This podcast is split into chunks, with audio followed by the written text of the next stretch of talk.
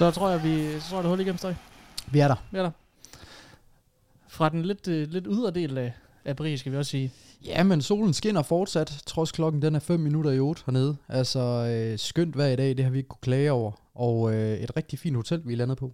Ja, det, det kan vi heller ikke klage over, synes jeg. Det er, det, det er super fint booket, Atle. Der var lige lidt af starten.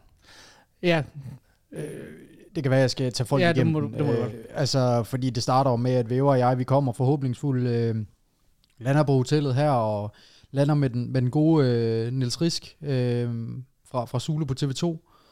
Og øh, der sker det, at vi får vores nøglekort, og øh, vi har værelse lige ved siden af hinanden, og øh, jeg tænker helt sikkert, nu skal jeg op og lave en roomtour med det her GoPro, som jeg har forsøgt at nørde, inden vi kommer afsted, øh, for at vi bare altså, kunne få lidt godt content med på den front også. Øh, bruger nøglekortet, det filmer, vi kører, jeg går ind, det første jeg ser her, det, det er, at der er tøj ud over det hele, skabsdørene er åbne, øh, toilettet er ikke så rent, som det skulle være, og så tænker jeg, jeg skal meget hurtigt ud herfra. Og det viser sig så, at det øh, er et værelse, som, som slet ikke er klar, og som øh, der er blevet lavet en fejl med. nej. Og, og det, som går igennem mit hoved, da du fortæller mig det her, Støj, det er jo, øh, tænk nu, hvis der var nogen i gang med en elskovsagt, og du kommer ind og, og filmer dem med et GoPro-kamera, så havde der er alle sammen, altså, Grim, grim jeg, retssag. jeg, jeg tør ikke tænke på konsekvenserne. Nej. Og vi har været i Paris i en time på det, på det tidspunkt. Lige præcis. Altså, mere vil vi ikke skulle bruge på at virkelig lave rav i den. Nej. Altså, kan du ikke se det? Øh, fire politibiler afsted. Hvad laver ham der makkeren? Hvordan er han kommet ind? Altså, selvfølgelig er han dansk. Benene på nakken. Øh, kæmpe øh, PR-failure for Red Bull. Ja, ja. Alt. Øh, altså, det var vores CSGO-karriere. Altså, det er nødt til at sige. Fuldstændig. Men heldigvis, så var der jo ikke nogen på værelset, og, og, og, og vi er godt landet. Og det her, det er jo også bare en, øh, en lille update på, øh, hvad der sker. Vi, vi forsøger jo at komme med så meget som overhovedet muligt. Øh, vi ved ikke endnu, om der kommer en update for os øh, hver dag, eller hver anden dag, eller hver tredje dag. Det, det kommer lidt an på, øh, hvor mange interviews og sådan noget vi kan skaffe, og vi kommer til at lige at, at fortælle lidt om vores, øh, vores udfordringer, men også muligheder. Der er jo der er jo en del udfordringer, som vi lige skal, skal igennem, står det, det er jo mest i forhold til sådan planlægning, og, og få fat på folk, fordi det, øh, det er en major, det har der er gang i den, og, øh, og holdene fokuserer jo selvfølgelig primært på at, at præstere, ikke? så der skal jo lige være plads til, at øh, de også lige vil snakke med os. Ikke? Jo, lige præcis. Altså, og øh, sådan er det for alle medier herude. Øh, I hvert fald det, som vi har fået indtrykket af, at, at naturligvis er det ikke det, som spillerne de prioriterer, eller lige har overskud til. Nej, men, men, men vi har så også lidt større udfordringer der, fordi vi har et lidt andet format end, end 98 procent af, af de pressefolk, der har, fordi det er jo sådan noget kort content, hvor man lige får en update, og så til en artikel på, øh, på DOS 2, eller hvad det nu skal være. Ikke? Altså, Vi, vi vil jo gerne have dem i over en time, og, og det kræver lidt mere, ikke? Jo, det gør det. Altså, så skal vi typisk ind i deres, øh, i deres frie tid hernede, som de jo heller ikke har rigtig særlig meget af, og hvor de jo gerne vil oplade, inden de skal i gang med, med næste kamp, øh, eller hvor de nu er i turneringen. Øh, men i hvert fald, så har vi jo skrevet med nogle folk, inden vi kommer ned. Og der er flere, som har sagt, at det vil jeg rigtig gerne være med til. Og øh, det er noget, som vi følger op på. Men det er også bare lige en lille arbejderbej til folket derude. Øh, vi arbejder på det, øh, men det er udfordrende. Altså fordi, at øh, de her gutter her, de har æder med med travlt. Men altså, jeg, vil, jeg kan godt lægge hovedet på bloggen og sige nu, Væver, jeg bliver skuffet, hvis vi ikke kommer hjem med minimum tre interviews. Ja, det vil jeg også sige. Altså, vi skal have tre. Det, det, altså, jeg, jeg havde ikke tænkt så lavt et tal Men det er også på noget minimum. tidspunkt i dag. Det er minimum. 100. Det, det, det, det skal vi have. Men skal vi ikke lige prøve at tage folk lidt med ind i turen? Altså, fordi det starter jo med, at øh, min paps har været så sød at give et øh, lift til Billund, øh, til Væver og jeg, så øh, vi henter dig tidligt i morges. Vi øh, frygtede lidt nogle lastbilsblokader, øh, som heldigvis ikke var der. Det, at min far så kører forkert og, og, og tillægger et kvarter, det er jo også noget, jeg havde beregnet ind. Det er han verdensmester i, trods han har en stor fed GPS foran sig. Øhm, kører naturligvis forkert. Den, den valgte jeg lige at holde ud af, den der. Ja, og det synes jeg også øh, var, var rigtig fornuftigt. Min mor har forsøgt det nogle gange, hvor at han, han godt kan være lidt rap i replikken, fordi han ved det godt. Øhm, men med det sagt, vi kommer frem. Øhm, Væver bliver holdt tilbage i 20 minutter øh, i security, øh, simpelthen øh, bare fordi, at øh, X-ray-systemet laver en fejl. Ja, og det er, jo en, det er en ting for mig, at hver eneste gang, jeg er i en lufthavn, så sker der et eller andet. Ja. Og, og det er, under, jeg understreger hver evig eneste gang, altså jeg er næsten begyndt at udvikle det, der hedder en fobi for at være i lufthavne, fordi at, at der altid sker et eller andet for mig. Og, og det hjælper så ikke, at der er en dame i, foran os, som, som tager, har taget alt for meget med. Øh, af de, altså, hvad hedder det? De der liquids der. Ja. De er overalt i, i 4-5 tasker. Og hun har ingen forståelse for, hvad der er, der foregår. Øhm, så vi, vi må lige vente i, i 20 minutter på hende også, for at få vores scannet igennem igen. Men, men vi, vi kommer hurtigt videre, og vi er egentlig i god tidsstøj. Øh, ind på, på lavkagehuset. En lille morgenmad til 200 kroner, ikke? Jo, men det, det koster det, det, det jo der. Altså, det koster det, ja. en halv arm. Altså, så står vi der og forsøger at korte lidt af prisen, ikke? Øh, og, øh, og ligesom se, hvor budget-friendly kan vi gøre det. Fordi vi ved også godt, når vi kommer ind i det her Air France-fly, altså så får du en sandwich, som hvis du klemmer den, så bliver den lige så stor som en ært. Øh, eller lige så lille som en ært. Det, det, det er så meget gust der af Og du vælger jo så at trykke på knappen. Jeg vælger... Fordi, for at få en ned med sådan en, altså det, så, så skal du jo ikke fortælle, hvor, hvor dårligt den er, hvis du jeg laver klassikeren. Det her med, at man er vant til at flyve med Ryanair, hvor det koster, ikke? Så jeg ryger ind i flyveren, de kommer med vognen, jeg tænker, hun spørger mig, kigger på mig, skal du have noget? Nej, nej, nej, nej, nej, ellers tak. For jeg tænker, jeg skal ikke, jeg skal ikke have mit kort ind i en maskine heroppe, øh, jeg ved ikke, hvor mange meter i luften. Det, det har jeg ikke lyst til, jeg har ikke lyst til at betale for det, det jeg kan sagtens holde mig så begynder jeg jo sådan lidt at kigge rundt, også fordi hun kigger lidt underligt på mig, og så kan jeg jo godt se, når folk de får det gratis, det, det er inkluderet. og så, så er hun jo gået forbi mig, og der laver jeg jo sådan en kold dansker, og, og trykker på knappen. Øh, og det skal lige siges, at øh, i et fyldt fly, så den kolde dansker, når man trykker på knappen, så laver den jo en lyd i hele flyet. Og det hørte jeg faktisk ikke. Alle kan se, at den lampe, den blinker, og den makker der, han vil snakke med stewardessen. Hun kommer ned, jeg får en cola, jeg får en sandwich. Og jeg cola også? Ja, ja, ja, ja. Jamen, man kunne få det hele. Jamen, hun stopper, øh, da hun kommer med vognen, så stopper hun rækken før mig. Og så går hun tilbage igen. Og så tænkte jeg, okay, hun skal nok have refillet den der vogn, eller et eller andet. Men hun kommer aldrig tilbage igen, så tænkte jeg, det er nok fordi, at øh, alle dem øh, foran mig, de har betalt ekstra, eller et eller andet. Der vælger du den ydmyge dansker. Altså, så trykker jeg ikke bare på knappen og siger, hvad sker der? Nej, men jeg... jeg, jeg det, altså, det er jo en, jeg kan jo godt se, at hvis ikke jeg trykker på den knap, så får jeg ikke den sandwich. Nej. Altså, det var en nødsefælde. Jamen, det kan jeg godt se stadig. Øh, men jeg fik den, og det var, det, var en, det var en ganske fin flyvetur. Jeg tror sgu, vi havde medvind. Vi kom lidt hurtigere ned, det skal lige siges. At igen, som nævnt, øh, Nils var med på turen. Pisse hyggeligt, at vi skulle flyve med samme fly som ham. Også en kameramand fra TV2 var med. Ja, vi vil øh, nok lige cl- clarify, det, det er Risk, vi snakker om her. Ja, den gode Niels Risk. Ja. Øhm, det, var, det var skide hyggeligt. Vi, øh, vi ryger af, og øh, alt bagage er der. Altså, trods den her frygtelige lufthavn. Jamen, altså, jeg synes egentlig, det kører meget gnidningsfrit. Øh, så får vi lige en, en Uber af risken til, han, han skal bo på samme hotel. Øh, fuldstændig random. Paris, det er altså en ret stor by.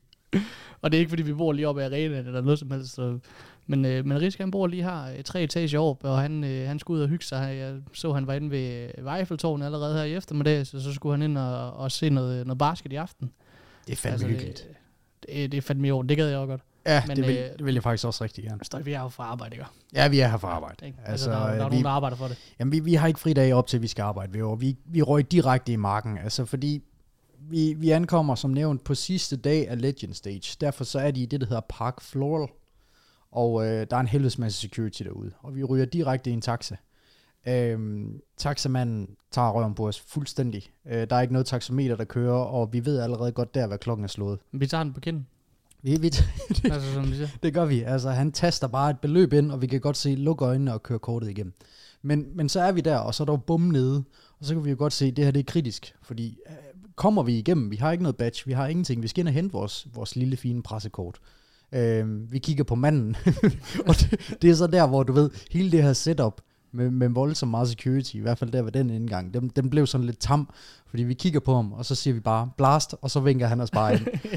ja. Øh, men vi kommer ind og får snakket med den gode Ryan fra Blast, der giver os vores, øh, vores presse, pressekort. Ja, og så er vi jo inde i, Jørgens redde, kan man sige. Så, øhm, og planen, planen var jo lige egentlig at tage ud og se, hvad, hvad fanden foregår der? Ja. Altså, hvad, hvad, hvad, sker der egentlig ude i, i, i, i, i den der gamle lade der, som, som det nærmest var?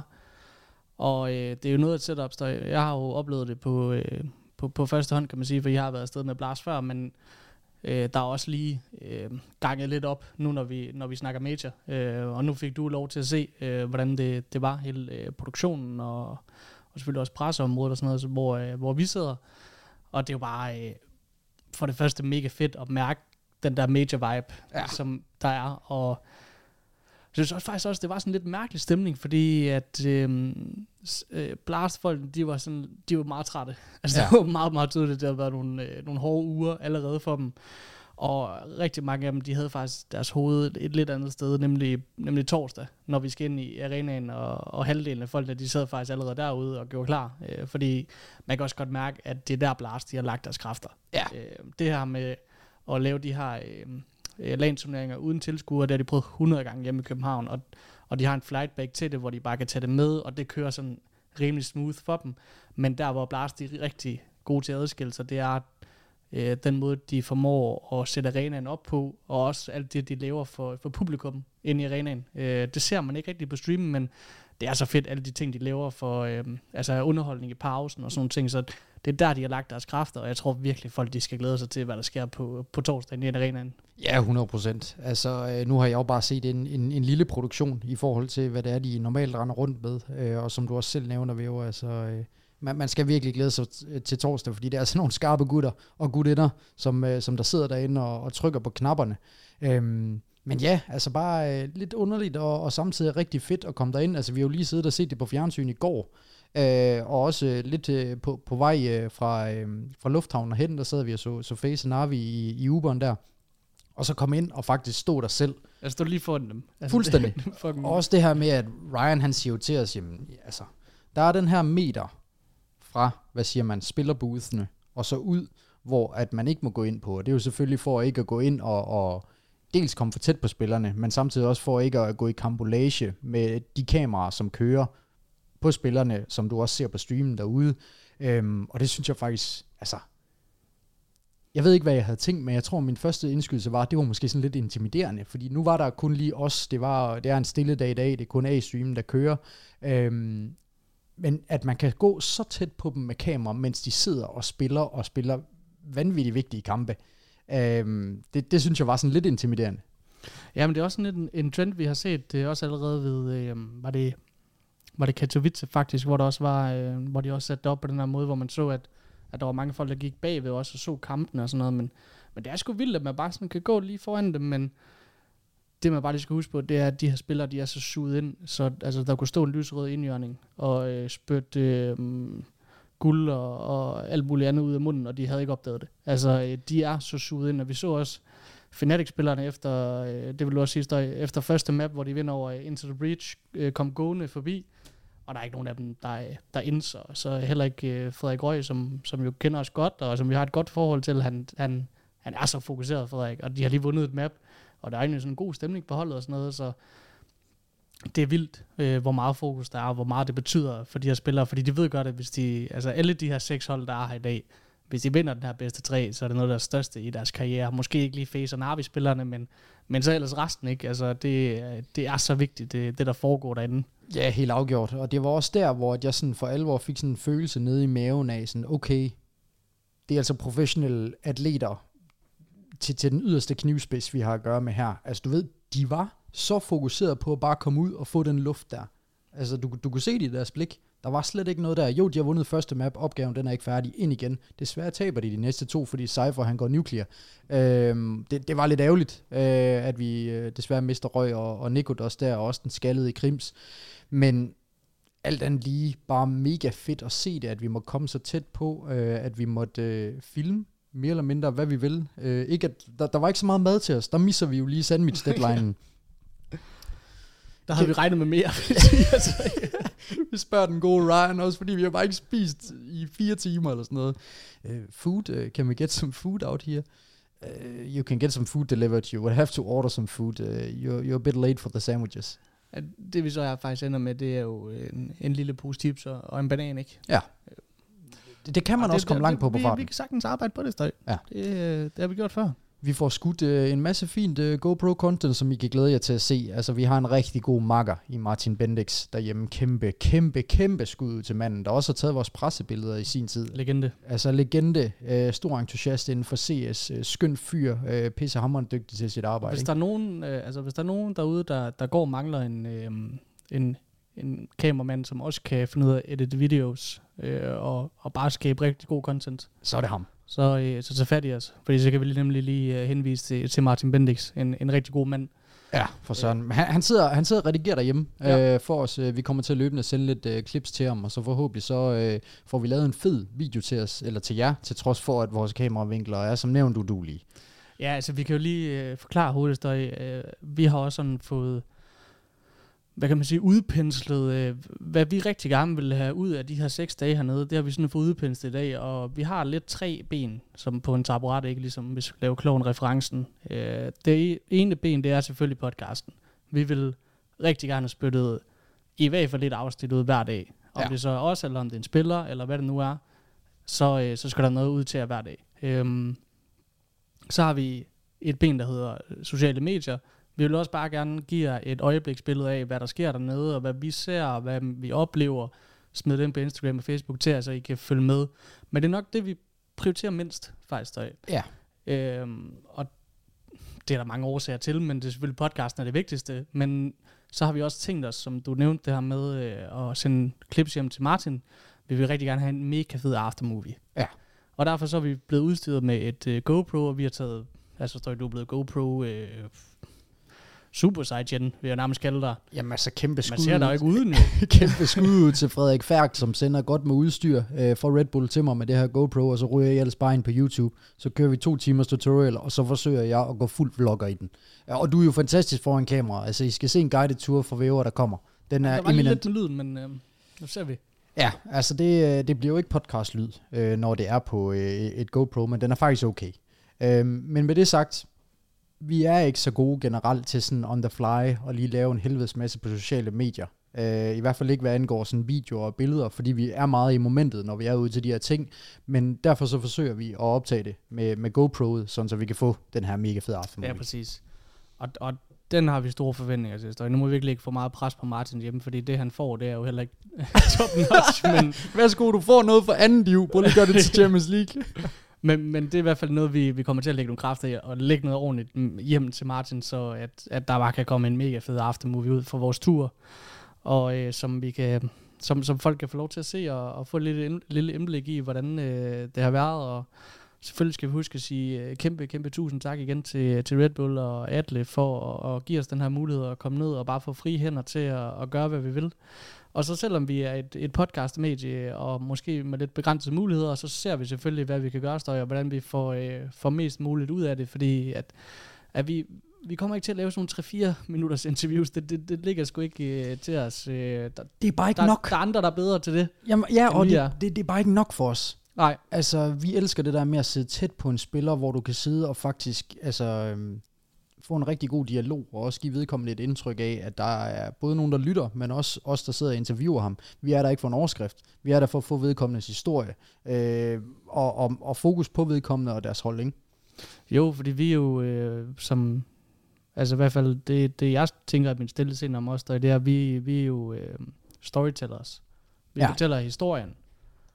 Vi er der ikke for overskriften. Vi, vi fortæller baggrundshistorien og, og, og tager det op i, i det store billede, og hvad, hvad implikationerne af det her resultat er, og hvad, hvor den her spiller kommer fra, og hvor god han er i det store billede, og sådan nogle ting. Altså det er jo det, det, er jo det som vi kan. Vi går ikke ind og spørger, øh, hvordan øh, synes du kampen gik?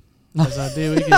det, Hvordan det, det synes du, kampen ikke. gik, når man lige har tabt 2-1, og du er lige røget ud 2-3 i, i Legend Stage? Præcis. Det er der jo nogen, der kan finde på at gøre. Altså, hvad gik der galt der? Altså, det, det er sådan, ja, altså sådan et spørgsmål. Hvis jeg fik det som spiller, så ville jeg sige, men det kan du kraftedeme med at se. Altså, du, du har givet mig fem minutter efter kampen. Hvorfor skulle jeg gide at svare på det nu? Jo, men det, altså, det går også tit begge veje. øh, Det gør altså, det. spilleren skal også give noget af sig selv. Nu Ja, så vi jo lige Robs øh, interview efter de vandt over Narvi i dag, hvor han...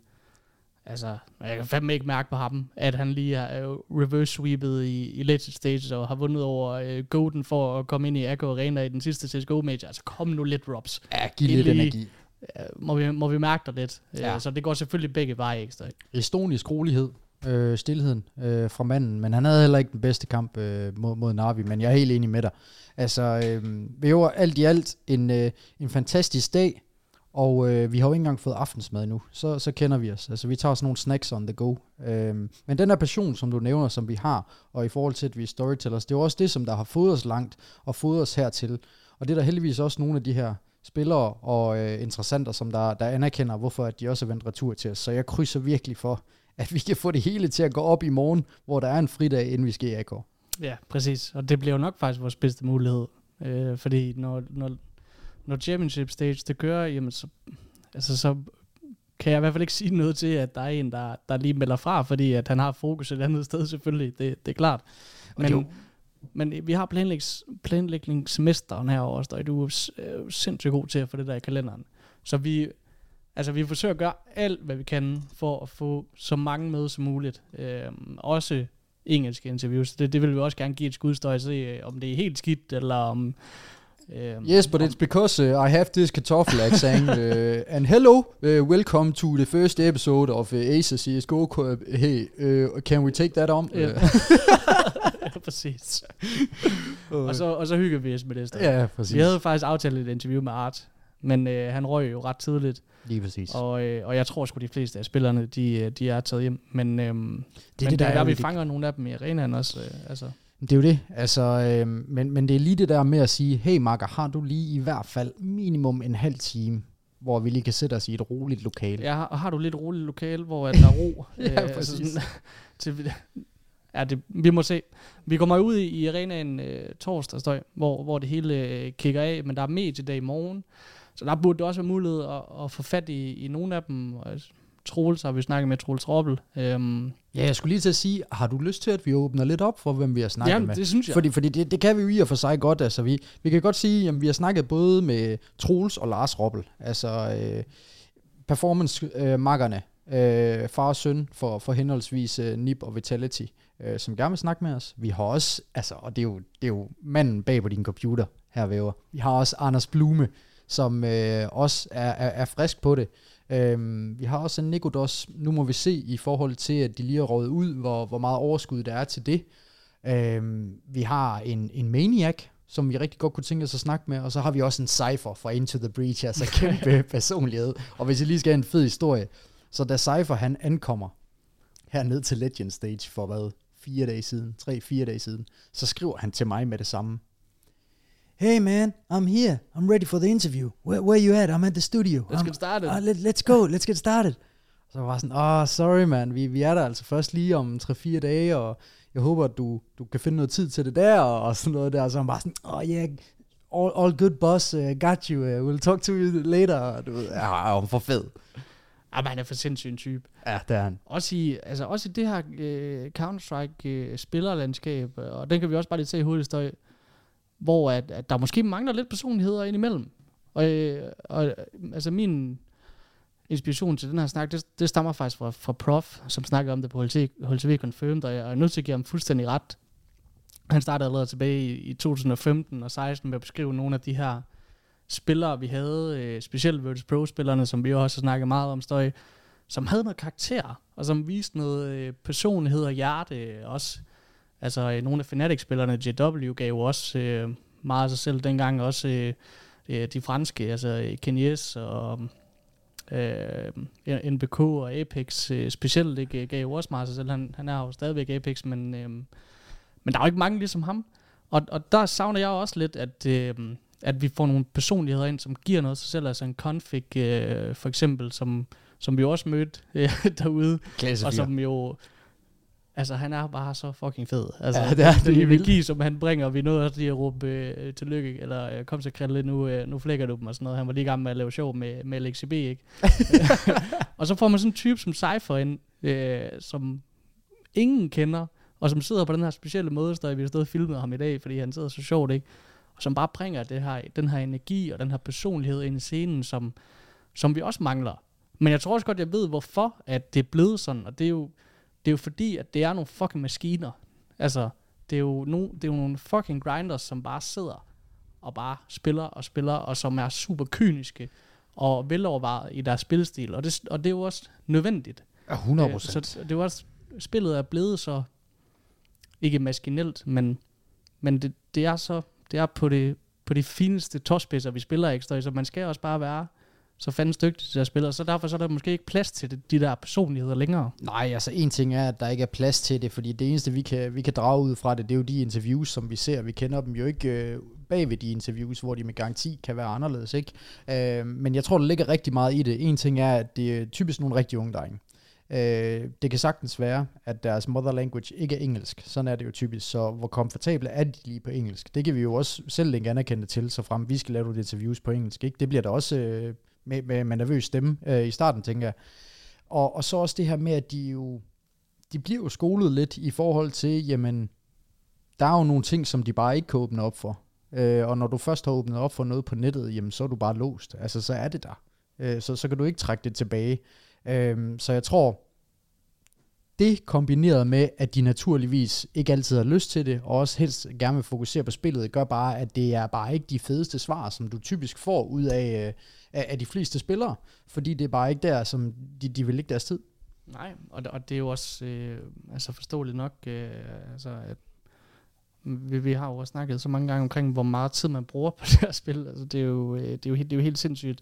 Så det, det er jo også forståeligt. Øh, men, men man kan godt savne de der øh, personligheder fra tilbage i tiden, ikke? Øh, en lille smule støj. Øh, det ved jeg også, at, at du kan ikke øh, gen, øh, anerkende til. 100. Men heldigvis har vi nogle af de bedste hjemme i Danmark, Heroic, som øh, i hvert fald har nogle af dem, som, som er rigtig gode til at vise noget, noget personlighed og noget, noget energi. Ikke? Dupree også fra Vitality, Ja. ja. øh, synes jeg også altid er en skøn, skøn fyr i de her interviews, der altid giver rigtig meget af sig selv. Men igen, det, det var bare et lille opråb øh, til spillerne, og for lige sådan øh, også at retfærdiggøre, hvorfor vi rigtig gerne vil have Cypher på. Altså det, at det så går dem så godt, jamen, det bakker jo kun op omkring, hvorfor vi gerne vil have ham med. Ikke? Øh, 3-2 i Legend Stage øh, væver et UK-baseret hold, spiller kvartfinale i den sidste major i CSGO, og smuger ikke på holdet. Hvis jeg sagde det her til dig, inden vi gik ind til hva, hvordan havde du kigget på mig så? Jamen, altså det første, jeg gjorde, det var selvfølgelig at tænke på, hvad er det for nogle hold, som, som egentlig har chance for at komme med, og så havde jeg jo tænkt endpoint, ikke? Altså, øh, Ja. skulle de lige pludselig til, til major playoffs, og så tænkte jeg, nej. Nej, Og så kommer der øh, sådan et hold ind fra siden i, i Into the Breach. Det er, det er sådan, man, man, man forstår det ikke rigtigt, hvor, hvor, hvor vanvittigt det, det, de har gjort, det er, fordi de har jo gået hele vejen fra, fra den åbne qualifier ind til det her. Øh, og vi har snakket meget omkring, hvorfor er det, altså specielt den her major, men jeg synes også, det har været, altså faktisk alle de majors, vi har set siden øh, der er blevet åbnet op efter corona, der har de her, de her RMR-turneringer, de her challenge stages og de her legend stages, de har bare været sådan opsæt galore, hvor at det er som om, at, at de her tier 2 og 3 hold, de bare thriver sindssygt godt i, i, øhm, i det her miljø. Men som du har snakket om i dag, Støj, det kan du lige fortælle lytterne, at det har jo nok også gør, noget at gøre med, med, hvordan vi spiller Counter-Strike nu. Ja, 100%. Altså, det er i hvert fald min tese, øh, fordi at nu har jeg set en helvedes masse vlogs, jeg har set en helvedes masse øh, altså voice comms og så videre fra, fra top tier hold og deres comms, hvordan de kommunikerer, når de spiller mod de her tier 2 hold. Og noget af det, som jeg tog med mig, det var blandt andet, at øh, Carrigan og Co, de spillede mod et tier 2 hold, hvor at Carrigan han også gav udtryk for sådan, drenge, hvad, hvad laver vi? Altså, vi, vi, vi, vi spiller på deres termer, vi skal spille vores spil. Øh, og det er det, som man så nemt kan komme til at gøre, og som vi også så dem struggle mod BNE, for eksempel i turneringen her gøre, det her med, at når de her tier 2 hold, de kommer, jamen så spiller de typisk ikke som et tier 1 hold. De kan godt lave nogle uventede moves, altså du kommer med det her eksempel for Boros for Monte, som der bare pusher lobbyen ud til T's Born og får øh, to stykker øh, i- af, af Navi-spillerne i hjerten i ryggen, ikke? Altså det, det er jo ikke noget, som de, man ser et tier 1 hold gøre, fordi der har du nu ikke nogen strikse regler, men du har en, en struktur over, hvordan du spiller, og et system, som du, du læner tilbage på. De her drenge her, de svinger på alle dueller, og de er mindst lige så gode til at svinge på de her dueller her. Og så øh, kan, kan det gå øh, den ene eller den anden vej, men det som de gør, hvis de får momentum, det er, at de tvinger lidt tier 1-holdene til at spille på deres termer, fordi så begynder de at tænke mere over, hvad gør modstanderen, end hvad skal vi gøre. Og så falder hele planen fra hinanden. Jamen altså, så er det jo klart, at de her tier 1-hold, de fejler. Fordi så, de kan jo ikke holde sig til planen. De skal hele tiden være ops på, hvad gør modstanderen. Og så, ja, så ryger den. Ja, der, der kan man jo tænke, øh, et, øh, et tier 1 hold, som er vant til at spille de her turneringer, jamen skal de ikke være bedre til at, at falde tilbage på en, på en plan B? Og der tror jeg også bare, at vi er nået til det punkt, hvor at det har de simpelthen ikke, de har simpelthen ikke trænet det nok. Altså, de, de ved ikke, hvad de skal gøre, fordi det, det er også, jeg kan heller ikke få det til at fungere i hovedet, at et hold som Navi, eller et hold som Face, eller øh, øh, Liquid, øh, altså at, at G2. Ja, G2 og som, og som også er røget ud. Altså, hvordan, hvordan kan det være, at, øh, at det, det sker så ofte der? Fordi nu har det været sådan her i, i, i tre år til de her mærturneringer og challenge stages. at der, der er så mange opsæt. Så det, det må også falde tilbage på, øh, hvad, hvordan de spiller tier 1-holdene på en eller anden måde. Altså, de, skal jo, de er nødt til at være mere fleksible, og ikke bare kunne spille mod tier 1-modstand. Fordi det kan jo ikke blive ved med at være en undskyldning hele tiden. Jamen, vi ved ikke, hvad de gør, det er uventet.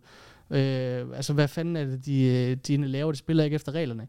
Altså, den undskyldning kan vi ikke bruge mere. Vi vil ved med at snakke om det, står Ja, ja, præcis. Altså, jeg kommer jo selv med den samme undskyldning, når jeg sidder for høvl i facet, så, siger jeg, øh, så kan jeg finde på at sige til modstanderne, altså, hvorfor spiller I, som om det var MM? Hvorfor flyver I igennem den og den smoke? Jamen, det gør de, fordi at de ved, at de flækker mig på det. Så ja. hvorfor ikke gøre det? Altså, så, så jeg kan jo 100% godt forstå det, men der ligger så mange flere ting i det, øh, føler jeg. Der, der er så mange lag i det. En ting er, at de ikke er lige så godt forberedte på de her tier 2 hold i forhold til demoer og så videre, som de er på de andre uh, tier 1 hold. Men tier 2 holdene er ikke forberedte på... Altså, jeg tror, der er mange af de her tier 2 hold, som, som ikke bruger så meget tid som tier 1 holdene på forberedelse.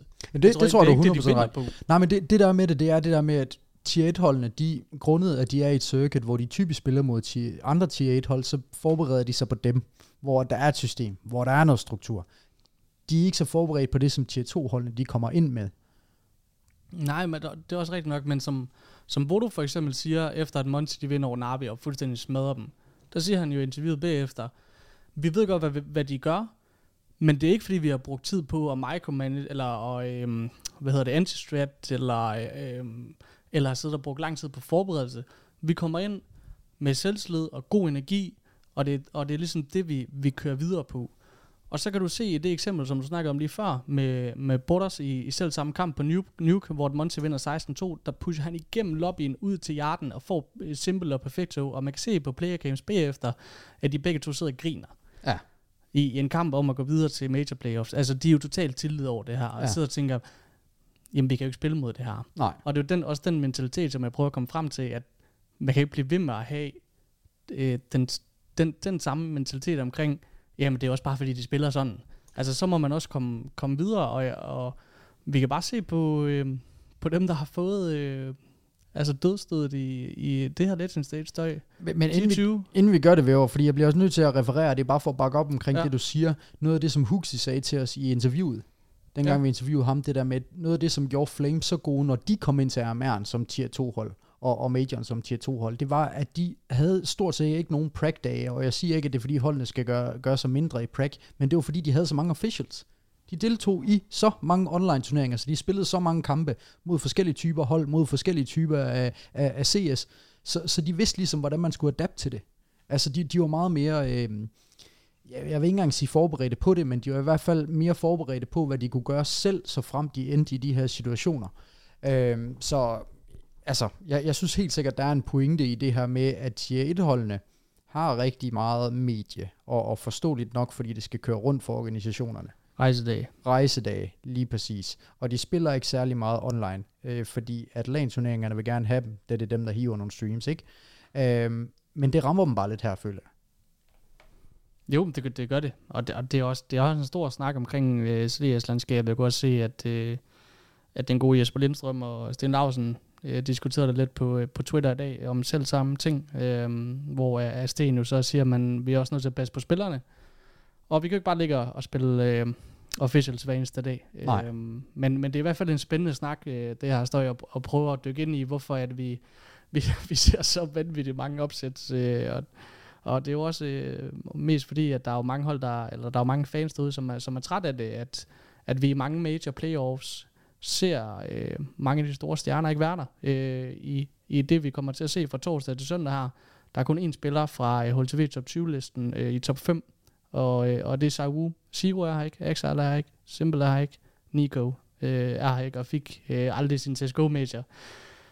Men øh, nu puster vi lige ud støj. Ja. Øhm, Selvom kæft, jeg synes, det er en fed snak, Jamen, det er det. Altså, det, det synes jeg virkelig. Altså, fordi vi, sorry, men vi, vi kan jo også tale ind i det her med, at der er også nogen, der er rigtig ked af, hvordan hele seedningen er blevet gjort i den her turnering i forhold til, hvem der møder hinanden. Altså, vi er jo også rigtig ked af at, at se for eksempel i dag 11.30 Navi mod Face i en 2-2-kamp. Men det er bare sådan, landet ligger. Altså, alle er... Øh, er lidt mere lige på den front. Altså det er open circuit i forhold til Armand. Der er ikke nogen, der bliver skånet for, om du er tophold, okay, men så skal du have en anden modstander øh, i forhold til at gå ind i, i, i playoffs. Altså det, det er, du ligger som landet har ret. Eller som sengen har ret. Det, der, det, det, det stammer fra, at Face de fucker op i Challenge Stage og bliver faktisk lavest seedet i. Legend Stage. Og derfor så ser vi det her Navi øh, face matchup. Og, og det er jo den her sidningssnak øh, snak igen, ikke støj? Øhm, Det er jo også, Altså, det er også, det, det er jo, det er også så sjovt, altså du har et, øh, du har et liquid-hold, som mere eller mindre crasher fuldstændig i Challenger Stage. Så de, de, de er så lavt rangeret, men så møder de relativt dårlige hold. Ej, det, det, det kan jeg ikke tillade mig at sige. Relativt lavt rangeret hold, for de har jo været gode. Øh, når de kommer op i Legend Stage, fordi at de relativt lavt rangerede hold gjorde det godt i Challenger Stage. Og derfor så, så er der nogen, der, der siger, at de har haft en nem vej her i, i, i Legend Stage, men de har jo selv været ude og udtale, at de har det svært mod de lavere rangerede hold. jamen, det er faktisk god pointe, det der støj. Altså, fordi du kan se, ikke, de, de møder uh, Into the Breach, uh, de møder også Nine, altså, uh, men, men man skal heller ikke tage noget frem, de, de slår også Navi uh, i, i en BO1. Men, men de kommer igennem på at, at slå Men det er Into the Challenge Breach. Stage, det der jo. Uh, nej, det her det er Legend Stage. Der kommer de igennem på at Nå, slå okay. der kommer de igennem på at slå Nine først, Navi efterfølgende, taber til Heroic, vinder så over Into the Breach. Ja, okay. Ja, Så, Jamen, så det er også svært at sige sig altså væk fra det. fuldstændig. altså- ja. Men øhm, hold kæft, hvor det dejligt at være tilbage, Støj. Ja, det er fremragende. Snakken den kører, altså vi ryger direkte ind i, Ja. ja. i, i, i moodet igen. Altså nu er, vi, nu er vi også i settingen, ikke? Altså vi er nede i, øh, i centrum for at se os lige nu. Vi er jo i orkanens øje, ikke? Fuldstændig. Øhm, og, og vi skal også huske at sige øh, tak til alle dem, som, øh, som jo har ventet på, at vi kom tilbage igen. Ja. Og undskyld, vi lige var ude. Nu, øh, nu er der også styr på, øh, på, på det civile liv derhjemme, og, og karrieren og alle de der ting. Der er styr på Ellie også, der ved jeg. Der er styr på Kobe. Øh, der er styr på Kobe. Du har fået lov til at tage en uge ud af din barsel. Kan vi lige give et kæmpe skud ud til vores kvinder derhjemme? Ja, Altså, de, de får et skud. de, de ligger så fladt ned, og vi ved, at øh, Kobe kan være en mundfuld. Ellie, min datter, kan også være en mundfuld. Så de har øh, noget, noget at se til. Jeg tror ikke, de kommer til at lytte så langt ind i den her episode, at de kommer til at høre det. øh, men, men så ved I derude i hvert fald, at vi har givet dem et lille skud ud. Jeg fik jo faktisk en besked fra, fra den bedre halvdel hjemme, mens vi var derude, støj, at øh, vi skulle prøve at tage en snak med, øh, med Kerrigan fra Face med C. Fordi at det var vist noget med, at han, hans hold, det, de var dårlige den ene dag, og gode den anden dag. Og Ved du, hvad det der det er? Det, det er anerkendelse. jo, det, ja, det føler jeg også. Og det, det, det, siger, det siger min kæreste ikke. Min kæreste, hun ved bare, at man spiller bedst ud af 30 Jamen, runder. jeg ved godt, hvor det stammer fra. Hvor stammer det fra? Det, det stammer fra, øh, fra øh, drengene på arbejdet. Okay. De ved godt, at Silas Cast laver en Counter-Strike podcast. Og Okay. så, Så vil de Øh, gerne siger have, snak at med ja, ham der, ja, ja, ja. snak med ham der. Og, og altså, vi øh, imødekommer jo alle ønsker øh, med, med kysseren, ikke støj? Og så må vi vi. se, om det kan lade sig gøre. Ja. Fordi vi har jo stadig Finn Andersen rendende rundt hernede. Han er en svær mand at komme ind Det er jo til. den sidste, vi mangler. Forståeligt nok. Ja, og vi, vi mangler også Kadian. Nå, men ham, ham havde jeg faktisk allerede tænkt. At vi forhåbentlig får. Ja, fordi de fem heroic-spillere, vi har hernede, de går forhåbentlig i finalen. Ja. Dem, dem skal vi simpelthen have. Ja, det bliver vi nødt til. Altså, det, det nævnte vi ikke før, men, men de er allerede altså, locked i min hjerne. Ja. Og, altså, det, det, det tænker jeg ekstra. Så må vi med lige tage 10 minutter af det spil gris. ja, det Altså, skal for- vi nemlig også ud af for- filmet. For, for at vi kan få et, et afsnit. Men ved hvis vi lige øh, tager et nærmere kig på, øh, på Legend Stage, som det står nu. Altså sidste kamp er i gang lige nu i forhold til det sidste spot, og det er øh, NIP mod Apex. Og øh, jeg kan sige så meget, at det står 10-12 på første map, as we speak. Men, men ellers så er det jo altså øh, Heroic videre. Øh, meget, meget overbevisende 3-0. Vi har Vitality også virkelig overbevisende 3-0. Monte, overraskende, men fortjent, videre 3-1. Liquid videre 3-1. Gamer Legion. Og der var mange, der var efter mig, vil jeg lige sige, på Twitter, da jeg valgte dem til mine pick'ems på Challenger Stage. Og der, det? Ja, og der kan jeg bare sige, pak sammen, for nu har I set, hvad de kan. Så har vi Into the Breach, som også lige, øh, ja, desværre slår, øh, som nævnt, øh, Røg og, og, og Nikodos ud, og så har vi Face, og det er sådan set det. Altså, så har vi et spot tilbage, men hvis du kigger over listen af hold, derude, altså Furia, der går ud 0-3, altså Free Kaige, mand. Ja, det, øh, altså det, de er den, den største skuffelse her i, i Legends Days. Det er der ingen tvivl om, det, det niveau, som de kom med. Øhm, de virkede faktisk, det var, det var faktisk også mest på, på den energi og sådan noget, de kom med. Altså, de virkede totalt off, og, og, og, og, og jeg ved ikke, om, om der skal ske nogle ændringer der. Så, øh, hvis vi bare tager spiller for spiller, Drop, han er helt væk. Det, han, det, synes jeg, han har været i, i lang tid. Kisrato kan ikke levere de samme carry performances. Øh, Yuri havde den, den laveste map rating, i hvert fald til en major for, øh, for hans vedkommende. Art har faktisk spillet okay. Mm-hmm. Mm. Øhm, og så har vi Sarfe tilbage, som, øh, som jo ikke leverer øh, samme impact som, som de der stjerneorbers, vi har derude. Men det, det skal han sådan set heller ikke på det her hold. Men der er i hvert fald noget i, i forhold til deres mentalitet og, og den energi, som de kommer med, støj, som, som er, er lidt off i forhold til det Fury, som vi har været vant til at se. Ja, og jeg ved faktisk ikke, øh, hvor længe øh, der er retur af, af deres kontrakter. Jeg husker jo bare, at de skrev under på en rigtig lang kontrakt, men den kunne vi jo se, at der var en spiller som øh, Vinny, der kunne komme ud af. Altså, så det er jo muligt, og vi ved, at talentpoolen i Brasilien, den er stor. Altså, så øh, om der sker nogle ændringer, jeg ved det ikke. Altså, øh, det, jeg kunne nok godt tænke mig at se det, men igen, så er det også bare, man skal huske, du ved, hvor lang snor får de? Altså sidste medie, der var de sgu også i semifinalen, ikke? Altså, hvordan, hvordan vejer, opvejer man det?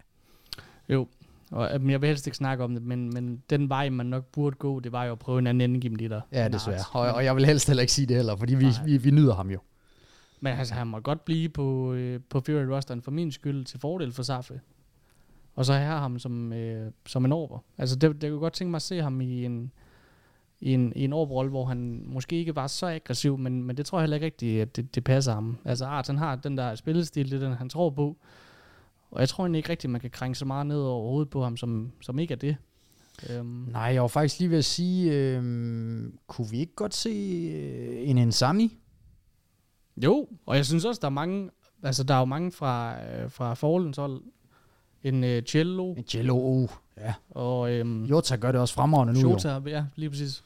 Så der er, der er meget talent derude, som man kunne samle i, i et enkelt øh, klassehold. Ja, 100 procent. Altså, det er den der talentpool over i Brasilien. Den er kæmpestor, og der er voldsomt meget firepower. Men ved det var Furia. Altså, så har vi Nine, som jo også gør det helt vanvittigt til Challenger Stage. Altså, øh, alle bliver overrasket over dem. De går ind og rykker alt på deres vej, og så går de ind og kører 0-3. Altså, de taber til 2-0 til Face, øh, 13-16 til Gamer Legion, 9-16 til Liquid. De var der slet ikke, trods at ham her Goofy, som jeg jo synes er en fornøjelse for Nine, han flækker bare. Men, men Kyler var der ikke. Øhm, Hades var der overhovedet ikke på samme niveau heller.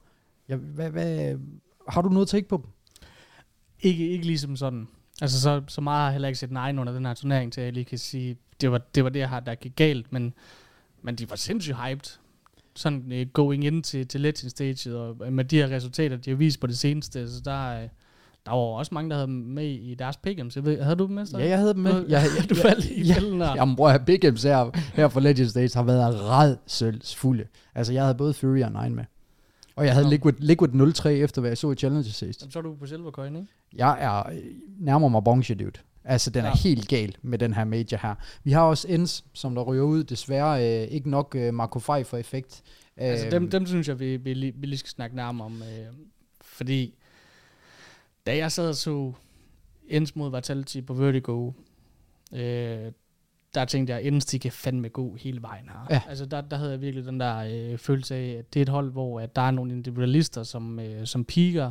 En fantastisk indgame leader i Marco, som, som virkelig formår at, at, at kalde det rigtigt. Øh, og, og en stil, som, som også er meget fleksibel. Øh, og så taber de faktisk den der tætte kamp der på, på Vertigo, det er sådan set fair nok, men så kommer man ud og taber til Into the Breach, og også 0-2 til, til NIP. Det havde jeg fandme det, det, det havde jeg virkelig ikke set komme, fordi jeg synes virkelig, at de, de peakede på det rigtige tidspunkt, og har fået en, en fantastisk ny stjerne ind i, i Nerds. Altså. Ja, du kan jo se det sådan, som de gjorde det i Challenger Stage også, så hvorfor skulle man ikke forvente andet? Men lige præcis den der, du nævner med NIP, øh, der tror jeg også, vi skal tilegne noget af det til NIP. Altså, jeg synes virkelig... Jamen 100. Altså, de, de har sat med at rykke sig. Øh, og du nævner det, det her matchup på Vertigo med, med Vitality. Jeg har også selv nævnt det for dig i dag. Når Vitality, Ends og Mouse, de spiller Vertigo, så det er altid tætte Vertigos. Og det er faktisk, trods Vertigo virkelig ikke er et fedt map at se, så synes jeg, det er rigtig fedt at se, når de hold spiller det. Fordi at det er nogle hold, som elsker Vertigo, og som kan en, en hel del forskellige ting på det map. Ja. Og så har vi selvfølgelig øh, maden, som, som har altså, været virkelig kostbar i den her turnering. Han, Og de har heller ikke været der. Altså, Nej. han var der i Challenger Stage, men her nej. Nej, det samme med maden. han- Altså, han spillede fantastisk. Han var voldsom i- der, det er i rigtigt. Challenger Stage. Så lige pludselig så røg han, øh, røg han helt væk, øh, og det er jo, hvad kan man sige, på godt jysk, lidt træls for Marco, at han efter de her udtalelser, som du også øh, nævnte på, på Twitter, ikke, i, hvor han jo øh, smider den der øh, øh, jantelov en lille smule væk og siger, prøv lige at se mig. Altså, jeg er, jeg er den bedste danske indgame leader. Og se, hvordan jeg, jeg kører mit, mit hold rundt der og laver de her resultater med de her tier 2-spillere. Kan jeg, kan jeg lige få noget praise herovre? Og så bomber man ud 0-3 bagefter. Det, det er selvfølgelig lidt ærgerligt, ikke? Jo, men jeg tror også, også bare lige for at understrege det, som jeg også øh, lagde ud på Twitter, så var det jo en, en mentalitet, som Snappy havde, om at han var den bedste. Øh, han øh, gav også udtryk for, at selvfølgelig sådan en som Cadian, øh, Glaive, øh, Kerrigan, øh, Huxi, de skulle også gå ud og tænke, at de er de bedste. Fordi hvorfor skulle man ikke gøre det? Hvorfor skal man ikke tænke, at man er den bedste? Hvis jeg var ingame leader for dig, og jeg gik ud og sagde, om dem vi skal møde, de har en bedre ingame leader end mig, jamen så vil du da også tænke, okay, men hvorfor skal jeg så stole på dine calls? Hvorfor går jeg ikke bare ud og gør min ting? Så jeg synes jo, det er helt rigtigt at gå ud og sige, og jeg synes også, han har noget at have det i, fordi at med tanke på Snappys historie, og hvad, hvad han har haft at rykke med, altså prøv bare at se, hvor hurtigt han har fået implementeret nerds. Det, det er jeg sgu imponeret over. Ja, og jeg håber heller ikke, at der er, der er særlig mange, der er i tvivl om det længere. Altså de, øh, den kapacitet, som, som Marco er, og hvad han kan øh, for Counter-Strike hold, og, og også den snak, vi havde med ham omkring, hvor lang tid han kunne blive ved. Altså jeg tror, Marco han er de næste fem år. Øhm, det håber jeg. Han har den, den sult. Øhm, men, men, men det der med at bare have selvtilliden støj, det, det er jo det vigtigste i Counter-Strike. Når du går ind i en duel, uanset hvem du er, eller hvilket niveau du, øh, du er på, så skal du tænke, jeg vinder den her duel. Altså det er også noget, jeg prøver at fokusere meget på, når jeg spiller, selvom jeg altså, for tiden er sindssygt rusten og virkelig dårlig, så går jeg stadigvæk ind i gamet og tænker, jeg rykker dem her. Præcis. Øh, I hvert fald så meget, som jeg nu kan overbevise mig selv om, og det er jo noget, vi har hørt fra alle de største igennem tiden. Olof Meister, øh, Dupree. specielt Dupree også, at du skal tænke, du er den bedste, når du går ind i serveren. Og det er sådan set ligegyldigt, hvad der står på papiret. Ja. Øh, du skal bare øh, overbevise dig selv om det, og for ellers så har du ikke en chance. Og prøv bare at se de her tier 2 hold som eksempler, ikke? Altså jeg synes jo, det er dem alle sammen. Også dem, som der er røget ud. Altså Nine gjorde det i Challenger Stage. Bad News Eagles presser alle tophold til grænsen hver evig eneste gang. Du har Apex, som også presser holdene til grænsen, og som virkelig er tæt på at kvalificere sig til en kvartfinale lige nu. Du har Into the Breach, som kommer ud af det blå. Gamer Legion, som har et frygteligt challenger stage, men får det vendt rundt og flækker alt her Legends. Monte, som går ind og, øh, ja undskyld mig, tør røv i Navi. Altså, der har The Goat of CS, ikke? De har bare alle sammen den selvtillid. Ja, det er det sygeste resultat ved den her major, synes jeg. Det er altså den måde, som de går ind og maltrakterer dem på. Det er jo frygteligt. det, er vel, det er voldsomt. Og nu når vi snakker om, øh, om den her selvtillid, som Tier 2 kommer med, ikke, altså også de udtalelser, som Cypher kommer med, efter de vandt mod Ends på Vertigo, hvor han siger efter kampen, at vi har rigtig nogen gameplan. Jeg, jeg siger bare i runde 1, jamen jeg spiller super øh, aggressivt rampen, og så trækker han bare bukserne af dem på, på rampen. Altså, at de der enlige individualister, de, de, øh, de kan vinde en, en kamp, hvis man, øh, hvis man er så aggressiv, som, som Cypher han er. Jeg husker tydeligt under Amern, øh, så udtaler Cypher, fordi at de spiller den her øh, afgørende kamp mod Virtus Pro på Mirage, hvor at øh, Jame er ved at komme tilbage på T-siden, fordi de rykker dem faktisk over på CT-siden, mener de går 10-5, og så øh, kommer... Øh, eller, eller Into the Breach rykker dem på deres T-side, sådan så de får en 10-5, så kommer de over på CT, så tænker man, okay, de står meget godt, de mangler 6 runder, James han skal have 11. James begynder lige så stille at komme tilbage, jeg tror, de kommer op omkring 10-10, og så siger Thomas, den britiske ingame leader, han siger bare til drengene, sving for fanden, sving på de dueller, bare tag duellerne. Cypher gå igennem den her midsmoke hver gang, bare gør det, tag duellerne. Og det gjorde de, og så vinder de. Ja. Altså. Jamen det er jo, øh, det er jo lidt svært at forstå, men øh, men hvis vi skal prøve at lave et lille overblik, ikke, og, ja. og kigge på, øh, hvad vi kigger ind i her, i, i den her fantastiske weekend, den, den sidste CSGO-major overhovedet, så, øh, så kommer der også til at være nogle hold, som vi ikke kender så godt. Altså, øh, Into the Breach kommer til at være der. Gamer Legion, Monte. Øh, og, og, og man kan sige, det, det man synes, jeg kan synes, der er mest sådan ærgerligt ved, at der er de her opsæt i Legend Stage, det er jo, at når vi så kommer ind på scenen, så er det også det. Altså så, øh, så ser vi klasseforskellen. Så, så alt det, vi lige har snakket om støj, jamen der bliver det sådan lidt nullified. Øh, det, det, det, det virker simpelthen ikke, når vi går ind i AK Arena. Øh, og vi ligger gerne hovedet på blokken og siger ja. det der. Altså det, sagtens. Det, det, det har vi set gang på gang på gang, at når, når vi så har publikum på en stor arena i, under major presset, så crumpler de her hold også. Øh, og, og det gør bare lidt ved spændingen selvfølgelig. Der kommer jo bare noget erfaring ind, øh, og der kommer et system ind, øh, som du kan læne dig op af, og når de her øh, duelbaserede øh, spillestil, de så ikke lige fungerer, øh, jamen øh, så øh, er der bare ingen noget. øh, når du sidder inde i, i den her arena her. Så det øh, er jeg faktisk helt enig med dig i, og vi tør godt lægge hovedet på blokken. Altså jeg tror, vi kommer til at, og er overbevist om, at vi kommer til at se en finale mellem to 10 hold. Det gør vi. Ja, fordi vi kan, vi kan prøve at snakke om, hvem vi ser som, som de største favoritter, ikke støj, og, og øh, jeg tror godt, at vi kan sige, før vi gik ind, der kiggede vi selvfølgelig Heroic og Vitality-vejen, men vi kiggede selvfølgelig også på G2, øh, Face, Navi. Øh, det er meget de her fem hold, som, som der sådan er blevet snakket om, som, som de største favoritter, ikke? Og øh, der har vi jo mistet G2. Nico fik aldrig øh, sin CSGO-major. Det er jo et langt samtaleemne, som, som jeg synes, vi lader ligge til en anden gang i historien. Men øh, Face, synes jeg er meget interessant, øh, fordi hvis jeg ikke elskede dem før, så elsker jeg dem da godt nok i dag, fordi hold op, hvor har de bare en mentalitet ud over den anden verden. De ting, som de har været igennem øh, i både Challenges og Let's in Stage, øh, i går havde, havde de map point imod sig mod BNE på Mirage. I dag har de fem imod sig på Anubis mod, øh, mod Navi, og hiver sig alligevel igennem det var også det, der var deres styrke, ved, dengang at de var verdens allerbedste hold og vandt øh, flere turneringer i streg, ikke støj. Men man kan også bare se, at den der mentale styrke, den har de stadigvæk, selvom at individualisterne måske ikke lige er på helt samme niveau, og der ikke er det helt samme teamplay, men så, så kan de stadigvæk hive sig op fra, øh, fra de hårdeste situationer, og det er jeg nødt til at have kæmpe respekt for. Jamen også fordi vi kommer ind i deres naturlige habitat nu. Ja. Altså det er her, de store trives, når vi kommer ind i arenaen, ligesom man sagde tilbage med, med Astralis og også Liquid, dengang de toppede, de, de store trives derinde, og også som Kerrigan han sagde, altså de har jo en lille rivalisering med BNE, og hver gang de vinder over dem, så vinder de også majoren. Altså, det var det, som der skete i Antwerpen, ikke? Øh, og så i Rio, hvor de, hvor de taber til BNE, og, og også her, øh, hvor, hvor de også taber i en, i en BO1 til, til BNE, og så møder dem i en BO3, hvor de så øh, lige får den lille edge og, og slår dem og får slidt sig tilbage, og også slider sig tilbage mod Navi i dag.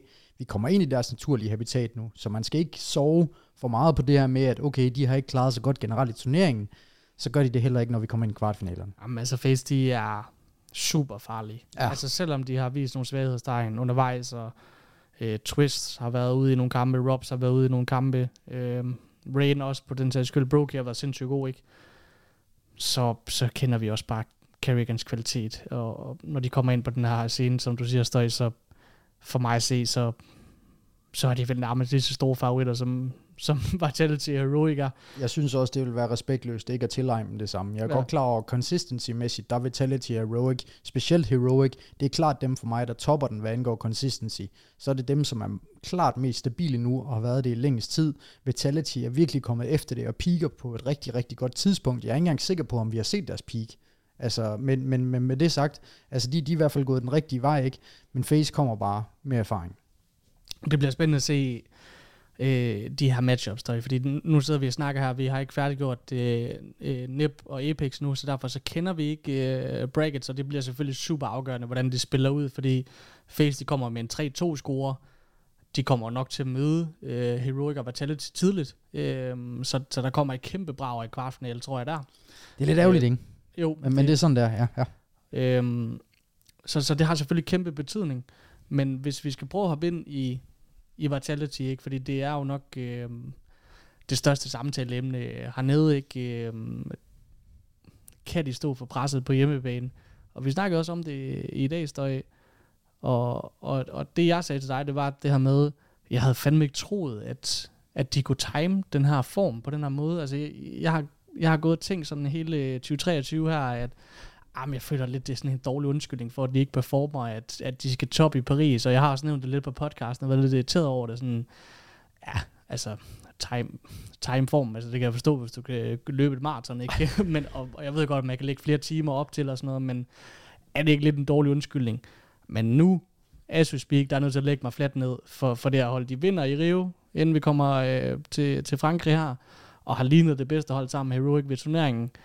Så altså kæmpe gave til dem, og at de står så stærkt lige nu. Ja, og så øh, skal jeg nok lægge mig ned sammen med dig, øh, fordi jeg har også været efter dem, og, og mere præcist Apex har jeg været efter, øh, hvor jeg følte, der skulle være en ændring, og der skulle være en ændring i lang tid. Men den mand har jo fået det til at fungere nu. Altså, øh, vi har individualisterne, som øh, virkelig er der, hvor vi troede, vi skulle se de her individualister øh, sådan fra starten hos Vitality, det er det her roster, det blev formet. Magisk. Han spiller, som da han gjorde i Astralis. Det, det gør han. Han, han. han er vanvittig. Dupree, det går kun én vej, og det er den rigtige vej.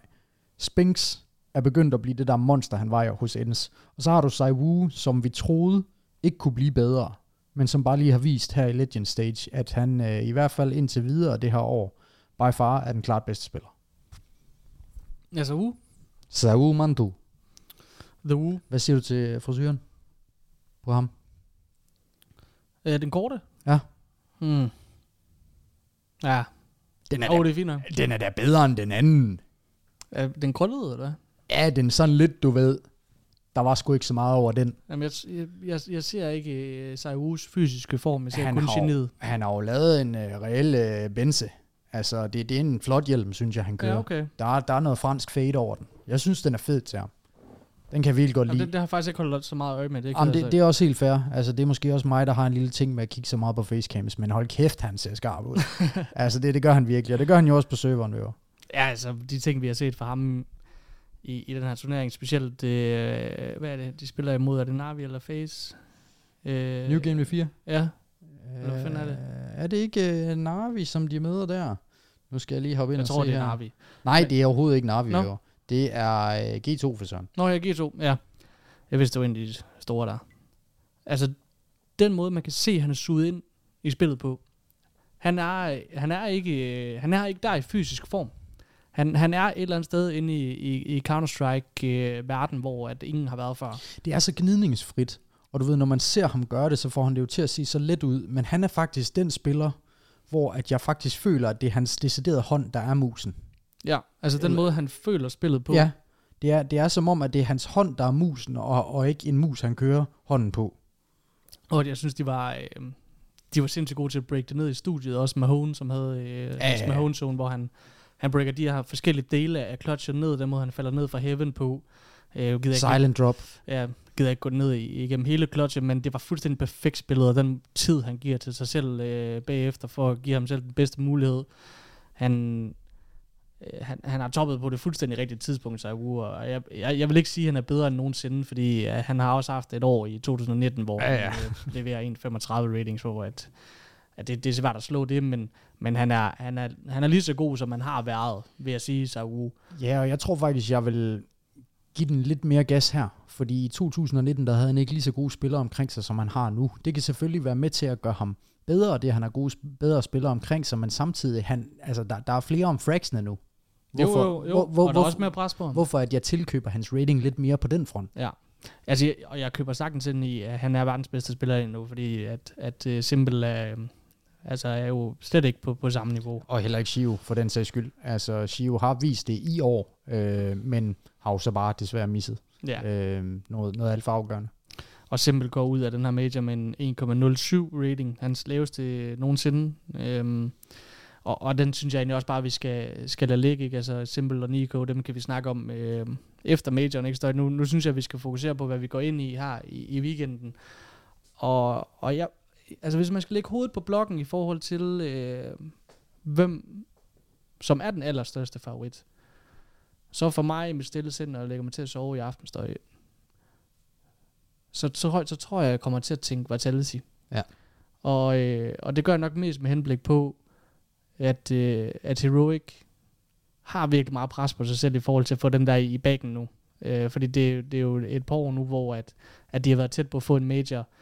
Og, og hvis de kommer i finalen, altså er der ikke lidt en mental barriere i, i forhold til, kan de, er det nu, de skal have den? Vi spurgte også øh, René og Rasmus om det for et par uger siden, og, og de, de siger selvfølgelig, det er noget, de har tænkt over, men jeg tror, faktisk, at de har en, en stærkere mental edge, hvis vi kommer i en finale mellem de to.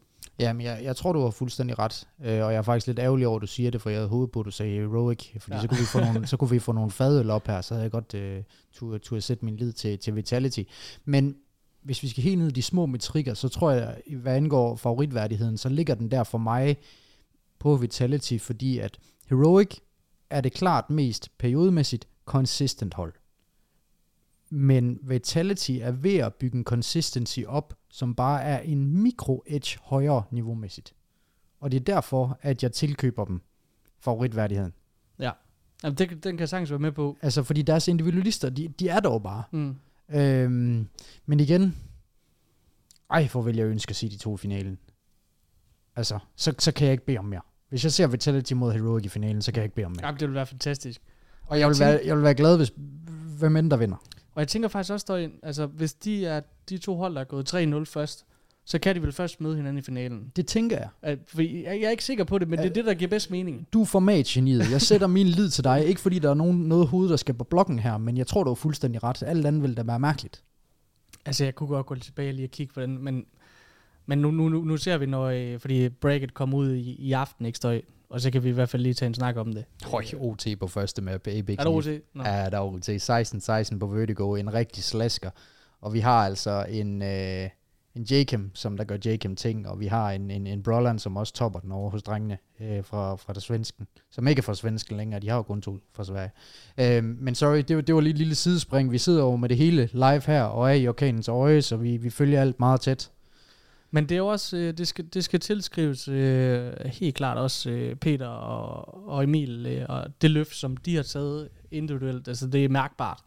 Og det er den største grund til, at Vitality er blevet så meget bedre. Så Wu har også hævet sit niveau en lille smule, og også Spinks, men den måde, som Magisk og Dupree har hævet deres niveau på, det, det er derfor, at, at Vitality er der nu støj.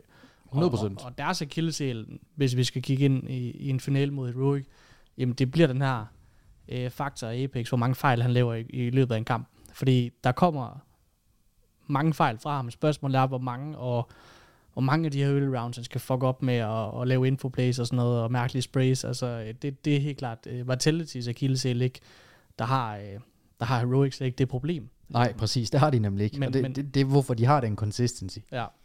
Men, men der er bare nogle stærkere øhm, individualister over på, på Vitality, som det er lige nu, ikke? Og det er jo heller ikke sådan, jeg siger, at Vitality er 60-40 favoritter. Altså, Overhovedet ikke. 51-49 Ja, det, på, det, det, det er der, vi er. Det er vil være- mikro. det vil være en fuldstændig fantastisk finale at slutte Counter-Strike øh, af på. Og altså begge vinder Vitality, det vil jo, der er jo så mange ting i det, og Heroic endelig få sin major, Cadian får sin major, puh, altså, altså Det- Hvis de to hold går i finalen, så er det der, hvor at jeg faktisk vil sætte mig ned og sige, hvor er jeg ked af, at det ikke er en BO5. Ja. Det, der, Fordi der de vil jeg spille alle være... maps også, altså. Ja, der, lige præcis. Altså, der vil jeg være så ked af, at det ikke var en Mm. BO5. Altså, specielt grundet den map pool der, ikke? Øhm, men ja, lige præcis. Altså også, hvor mange fuck-ups kommer Apex til at gøre mod Echo, fordi vi ved, at han gerne vil ud og jagte dem, ikke? Uh, vi, vi har set, hvor brutale Echo skal være efter teknikken. Den er begyndt at køre ordentligt ind igen. Og jeg troede jo, at Magisk kan vil blive uh, voldsomt grundet opdaten til A1S'en. Uh, men de fortsætter jo alle sammen med A1S. Uh, så han har jo bare lagt på, uh, fordi at, at spillerne omkring ham også uh, lægger på, ikke? Og så har vi bare nogle, øh, altså nogle øh, hold fra tiden, vi, vi nævnte det face, de er lige efter, og Ja. de er sindssygt farlige. Husk dem i arena. ja, Husk dem i arena. det, øh, det, vil, det vil overhovedet ikke, øh, hvad kan man sige, øh, Overrask dig. nej, men det vil overhovedet ikke overraske mig, hvis Face de står med pokalen på søndag. Nej, det er det. Og så har vi også Liquid, som vi næsten ikke har snakket om, Støj. de er jo kommet fuldstændig for baghjul. Fuldstændig, og altså, jeg bliver nødt til at sige, altså, jeg tror, Uzi, han er rådet ind i en translator. Altså, den mand, han øh, må lytte til podcasten med alle de spark i røven, som vi har givet ham, fordi han er jo begyndt at, at performe consistent. Ja. Altså, det er han. OC, jeg, jeg trækker alt i mig, som jeg har sagt omkring ham, fordi at han, han har været akillesælen til, til mange af de sejre, som, som Lego, der hivet hjem i den her turnering, og samtidig med det, så har vi jo slet ikke nævnt væver. Jekinder caller nu. Jekinder caller nu, i stedet for Nitro. Nitro er secondary caller. Altså, vi, vi havde jo et take på Jekinder, som at han kom ind til NA med en lidt for stor stemme. Han ville have, at de skulle spille CS lidt for meget, som han kendte til fra James-tiden i EU på VP. Øhm, og, og tænkte, grundet tidligere erfaringer fra de her NA-drenge her, der ikke finder sig i alt, jamen at en spiller som Elish, vil han finde sig i det, men heldigvis ser han jo rigtig meget op til Jekinder og elsker at spille med ham. Naf, vil han, øh, vil han finde sig i det? Nitro, er han okay med en degradering på det punkt? Men det, altså her i Legend States, der går det sgu godt for dem. Jamen, du kan være sikker på, at den er ligeglad. Alright guys, I'll, I'll, I'll just do what I do. han spiller bare sit eget spil. Øh, og det er han fantastisk til, fordi Nef har faktisk været, jeg vil sige, Liquids bedste spiller øh, det sidste stykke tid.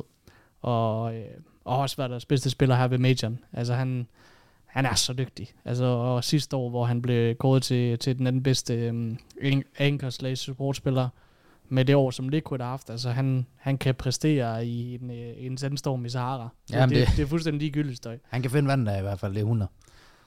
Så det, det er også en, øh, en dark horse, det her støj. Og vi kan bare også kigge på, hvordan deres T-side har været, efter at de har fået Kender ind. De har den fjerde bedste T-side ved, øh, ved øh, den her major. 56, nej 55 procent ligger de på. Det er kun øh, G2, Heroic og Vitality, som faktisk øh, ligger over dem.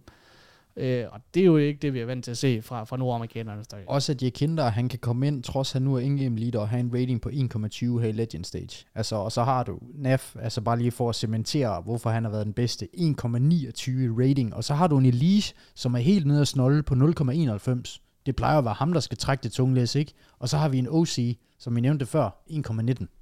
Altså, øh, det, det, der, der er flere spillere her på det her hold, som stemmer rigtig hårdt op og som øh, også kan vise sig at være farlige, fordi vi ved også, at de her drenge, lige bortset fra OC, har rigtig meget erfaring på den store scene. Det er, det er et farligt outsider. Man, altså, man kan ikke afskrive dem fuldstændig, men, men øh, jeg har svært ved at forestille mig, at de står der på søndag. Ikke? Jeg kan lige så godt sige, nu stiller jeg mig op, for de må ikke vinde. Inden jeg tager den sidste øh, match. nej, nej, fordi det kan de ikke styre over. Det kan de slet ikke styre over, specielt ikke journalisterne. Men altså, det er jo Altså det er Vitality Heroic uh, Face, som, som vi primært uh, kigger på. Uh, så har jeg Liquid lige udenfor. Og så må vi lige se, hvordan det går med, med Apex og, og NIP, uh, når, når, når den er spillet færdig, for jeg har faktisk også et ret godt øje til NIP, fordi de har lige pludselig forventet hele skuden, og dem har vi virkelig også været ude med riven over for ekstra, men øhm, uh, Red spiller fantastisk lige nu. Det ligner, at de har fundet ud af, hvordan de gamle vil spille Counter-Strike. Bloodline spiller også uh, gode maps, og det er ikke engang fordi, at Config han har... Uh, sådan rigtig tændt op for bluset nu. Øhm, så altså Nip kan jo også godt se gå en semifinal, hvis de klarer Apex i aften.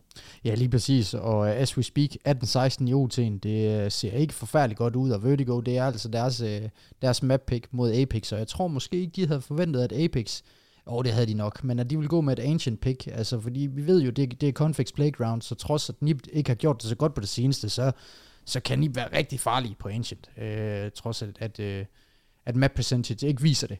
Men vi er i hvert fald en fantastisk medie, som vi er kommet ned til, og hvor, hvor jeg er glad for at være her med dig. Men, men der er også en mand, som, som jeg føler, vi bliver nødt til at nævne, øhm, og det er vores kære øh, Chris Lydman. Det er klart. Altså, øh, jeg håber, han har lyttet så langt ind i afsnittet, at han er med lige nu.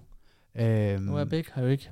Nej, det, det, det er de ikke, og øh, det er også ærgerligt, men forventeligt. Øhm, men vi savner sgu Chris Lydman. Altså, han startede det her projekt med os, og det vil være en fornøjelse at have ham hernede med os. Det er klart. Altså, hey yo til that. 100 ja, 100 procent. Altså, det, han fortjener lige så meget at være hernede, som, øh, som vi gør. Så uh, Chris Lydman, vi tænker på dig. Og vi ved, øh, eller du ved, vi sender billeder og, og har dig med. Ja, altså. vi har dig med i, i hjertet og tankerne hver dag. Vi skulle have haft en papfigur med ned af, af, af Chris. Det havde simpelthen været i klasse. Bare stille den ind i presserummet. Så alle journalister kunne kigge på den og være sådan, hvad, hvad, hvem er han? Nu, jeg kan også stille mig op, fordi øhm, jeg tror sgu Bottas, han kommer til at stå med trofæet på søndag. Ej, hvad er det, du står jo, og siger til tak mig? Tak for det. Altså, vil du lukke på den der? Nej, okay, så har, har du andet? Ej, jeg synes lige, vi skal runde af og sige, at øh, som nævnt før, vi gør alt, hvad vi kan for at få så mange øh, interviews i hus, og vi giver den gas hernede, og prøver at levere så meget til som vi kan, øh, for at veje op for vores fravær, hvor det civile liv skulle pleje, som du har nævnt. Og så er det jo bare fedt, at øh, folk de fortsat øh, lytter med og, ja, og støtter os. Og øh, helt enig, Støj. Vi, øh, vi prøver at fange så mange af dem som overhovedet muligt, og indkapsle stemningen så meget, som, øh, som vi nu kan. Og jeg er sikker på, at der, der kommer også en masse fra, øh, fra inde i arenaen, øh, og hvordan den er sat op, og hvad Blast har fundet på, og og et vinderinterview med Kadian, altså øh, nævn det. Vi, vi finder det ikke støj. Vi giver i hvert fald alt, hvad vi kan øh, hernede fra. Og så tror jeg, øh, nu, nu slår klokken her, øh, 4 minutter over 9, ikke støj, vi skal ud og, øh, og, og finde den fadøl, som vi ikke har fået endnu. Sidst vi fik fast sådan ordentligt føde, det var 10.30. ja. Og klokken er 21. Det er lidt kritisk, ikke? Så jo, vi, vi finder fadøl. Ja, det gør vi.